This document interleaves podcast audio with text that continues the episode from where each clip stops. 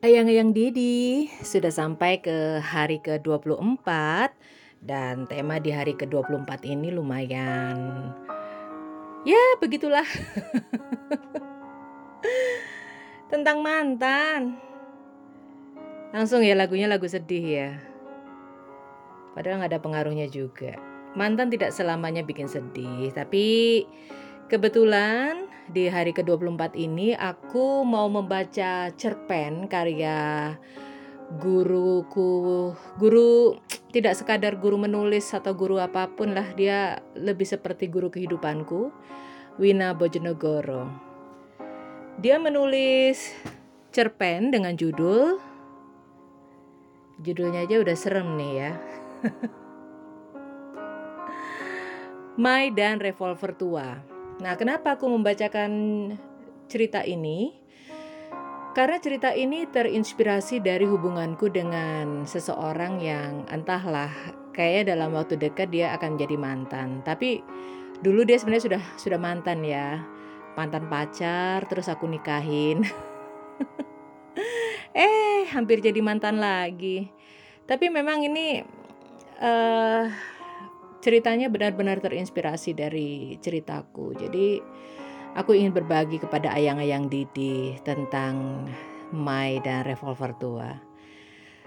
Satu hal yang lumayan bikin surprise adalah ternyata karya Mbak Wina ini yang terinspirasi atas kisahku dimuat di media Indonesia tepat di hari ulang tahunku tiga tahun yang lalu. Jadi tepat pukul 00.30 waktu Indonesia Barat tanggal 12 Februari 2017.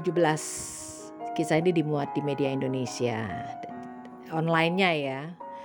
Dan nggak usah berlama-lama ya.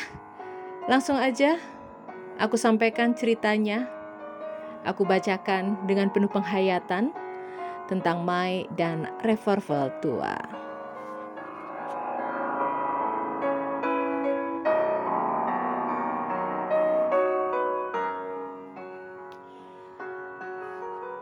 Mai dan Revolver Tua.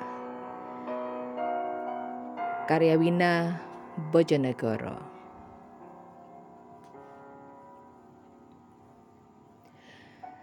Dor Dor. Suara itu memaksa Mai membuka mata. Ia tergagap bangun dengan spontan meraba sesuatu di bawah bantal. Masih ada. Benda itu tetap di tempat, tidak panas, tidak berasap. Enam peluru masih utuh dalam lubang masing-masing. Tok tok tok tok tok. Suara yang datang dalam tidurnya menyerupai letusan revolver Rupanya hanya suara ketukan pintu. Mai menyibakkan rambut panjangnya yang kusut, sembari berusaha berpikir jernih. Siapa yang datang sepagi ini? Rumah ini tidak dapat dilalui mobil. Jalan setapak hanya dapat dilewati sepeda motor. Itu pun harus ekstra hati-hati saat musim hujan. Tok tok tok tok tok. Tok tok tok. Mai gagal menemukan titik terang di kepalanya. Tak ada janji, tak ada catatan. Agak muskil orang kesasar meminta kopi pagi ke rumah ini. Untuk berjaga-jaga, ia menyematkan revolver tua itu ke perutnya, menyelip di antara celana tidur. Revolver yang dibelinya dari lelaki berasap di belakang bar tengah kota. Seminggu sejak ibunya berpulang. Alasan membeli revolver itu absurd. Mai merasakan ada bahaya mengintip di sekeliling. Kadang berupa pertanyaan, di mana kau simpan warisan-warisan itu? Kadang ketakutan berupa tamu tak diundang mewakili beberapa developer. Mereka sering tiba-tiba muncul dan menanyakan kapan rumah ini mau dijual. Mau harga berapa? Hmm, akan dibangun villa-villa dengan fasilitas lapangan golf, lapangan tembak, serta pacuan kuda di kawasan ini. Mai terhuyung berjalan menuju pintu dengan baju tidur melambai-lambai. Ia mengintip, lalu membuka pintu sedikit. Hei! Wajah seorang perempuan menyembul di antara daun pintu. Kau? Kita tidak sedang membuat janji, kan? Jawab Mai ketus, sebentuk penolakan halus. Tamu itu perempuan dempal dengan bibir menghitam oleh asap rokok melirik revolver yang terbuka, mengundang perhatian di selipan celana tidur nyonya rumah. Kamu menelponku semalam dalam keadaan mabuk. Suara tamu yang bernama Ina pelan, namun cukup tegas ditangkap Mai. Kalau kau tak mau menerimaku, aku akan pulang. Kata Ina dengan wajah yang datar. Mai melonggar. Dibukanya pintu agak lebar, dan begitu perempuan bernama Ina memasuki ruang tamu, ia memastikan lebih dulu bahwa tak ada penguntit atau pengintai. Begitu dirasa aman, ia mengunci pintu, lalu menyilakan Ina duduk di kursi tamu usang, kursi rotan yang beberapa bagian telah masai dimakan usia. Kopi? Teh? Mai menatap sekilas pada Ina. Hmm, kopi hitam kalau kamu gak keberatan. Mai melayang ke dapur di balik ruang tamu. Ina mengelilingi ruang tamu dengan sepasang matanya yang selalu waspada. Ruang tamu ini nol daya tarik. Tak ada pernak-pernik, bunga, atau sentuhan perempuan. Hanya empat buah kursi rotan dan meja tamu tanpa taplak. Buffet jati tua berisi buku-buku lama yang sudah berdebu, jam dinding tua, serta radio transistor besar zaman entah. Ia berkunjung ke sini terakhir kali sembilan tahun lalu, saat Mai masih gadis. Mai muncul dengan dua cangkir kopi dalam muk. Ia meletakkan kopi hitam di hadapan Ina dan di depannya sendiri kopi susu. Aroma Arabica yang digoreng menyisakan bau gosong di hidung Ina. Tapi pagi sedingin ini layak dicairkan oleh secangkir kopi, apa pun rasanya. To the point. Mai membuka percakapan dengan revolver yang masih di perutnya. Ina menatap Mai dengan wajah tanpa isi. Kau semalam menelpon.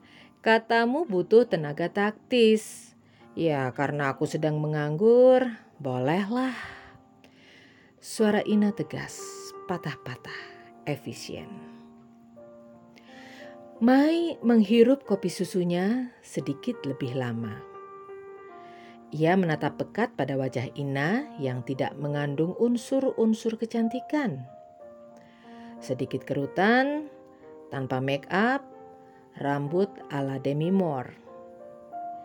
Gaya bicaranya mengesankan ia telah terbiasa menghadapi orang lain apa pun pekerjaannya.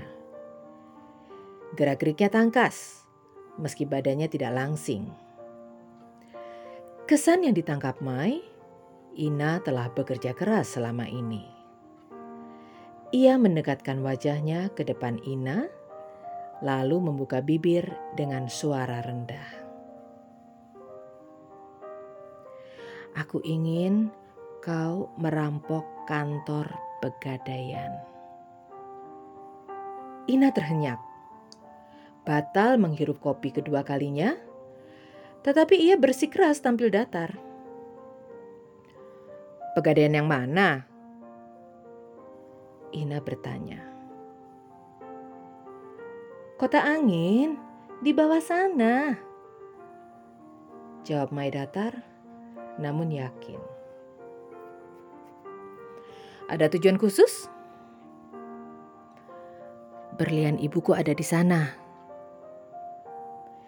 Ina terdiam, memikirkan ruang mendadak di kepalanya.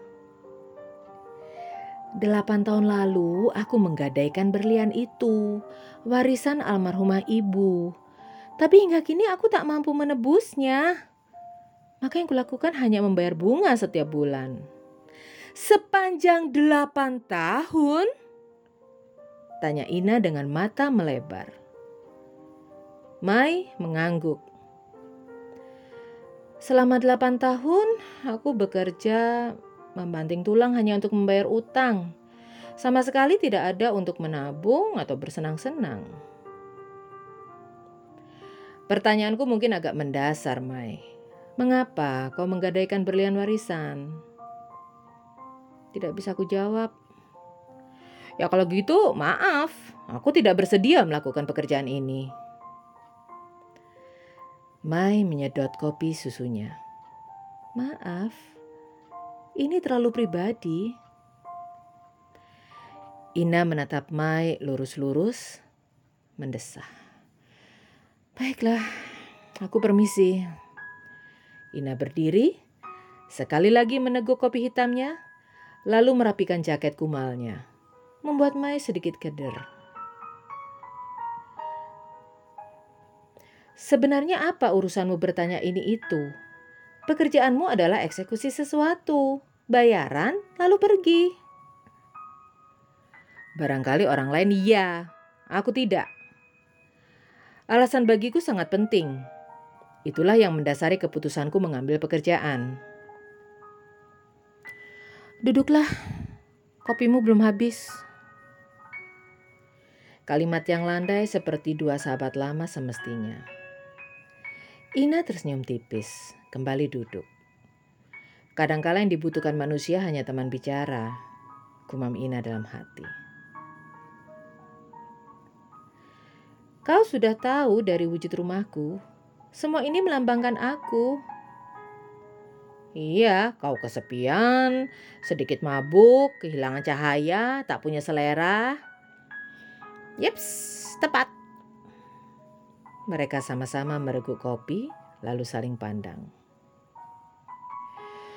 Berlian itu kugadaikan untuk biaya pesta pernikahan. Aku sudah menduga. Walaupun tidak mewah, pestamu cukup besar. Harga yang harus ketebus untuk sebuah status istri. Mai tersenyum sinis. Seharusnya pihak keluarga mempelai pria turut berbagi biaya pernikahan. Renung Ina di antara ruang kopi. Sekarang pernikahan adalah bisnis, tergantung siapa yang memiliki kepentingan paling besar. Dengan kata lain, suamimu tidak punya kepentingan. Seharusnya ada, jauh lebih besar malah. Lantas, pernikahan ini untuk ayahku, Judul yang tepat adalah Menantu untuk Ayah.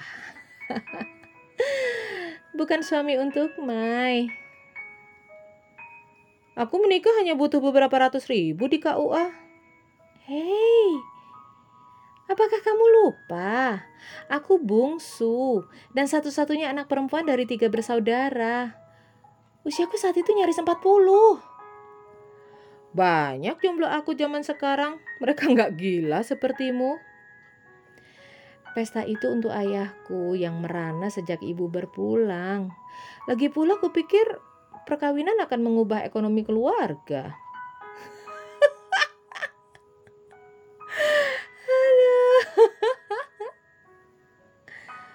Ina tertawa keras. Tawa itu menggema ke seluruh bangunan tua ini. Perkawinan adalah dua beban yang disatukan secara legal melalui lembaga resmi pemerintah dan agama. Hei, perkawinan sama sekali bukan taman Firdaus, tempat kau mencari istana. Retorika singkat itu membungkam Mai sekali lagi. Untung kamu belum punya anak. Anak? Mana mungkin? Maksudmu? Telisik Ina lebih dalam. Mai mengembuskan nafas. Dia tak pernah meniduriku. Bibir Ina membentuk huruf O. Sengit matanya tak mampu mencerna kalimat itu. Hah? Tak pernah bercinta? Absurd sekali kalian. Ya, silahkan tertawa. Inilah kami. Menikah dengan modal menggadaikan berlian, tapi nggak pernah bersetubuh. Ina mengerutkan kening. Ditatapnya wajah yang selalu tampil ceria dalam acara-acara arisan, reuni, atau kumpul-kumpul lainnya. Wajah ceria yang biasanya tak menampilkan masalah sama sekali. Tapi kali ini sudah ku bilang, ini adalah mantu untuk ayah. Desaunya lirih. Laki macam apa yang tak pernah meniduri istrinya? Laki yang gak doyan perempuan. Oh my God.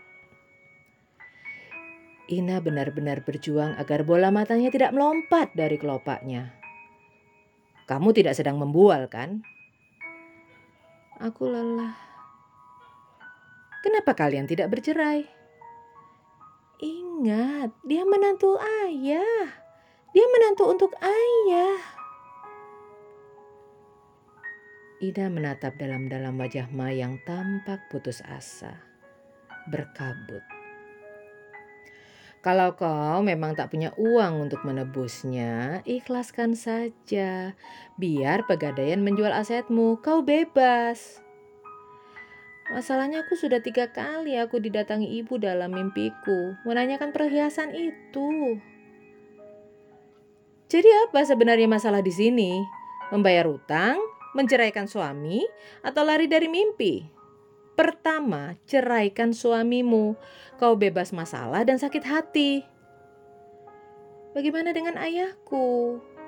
Apa aku harus merusak masa tuanya dengan berita perceraianku?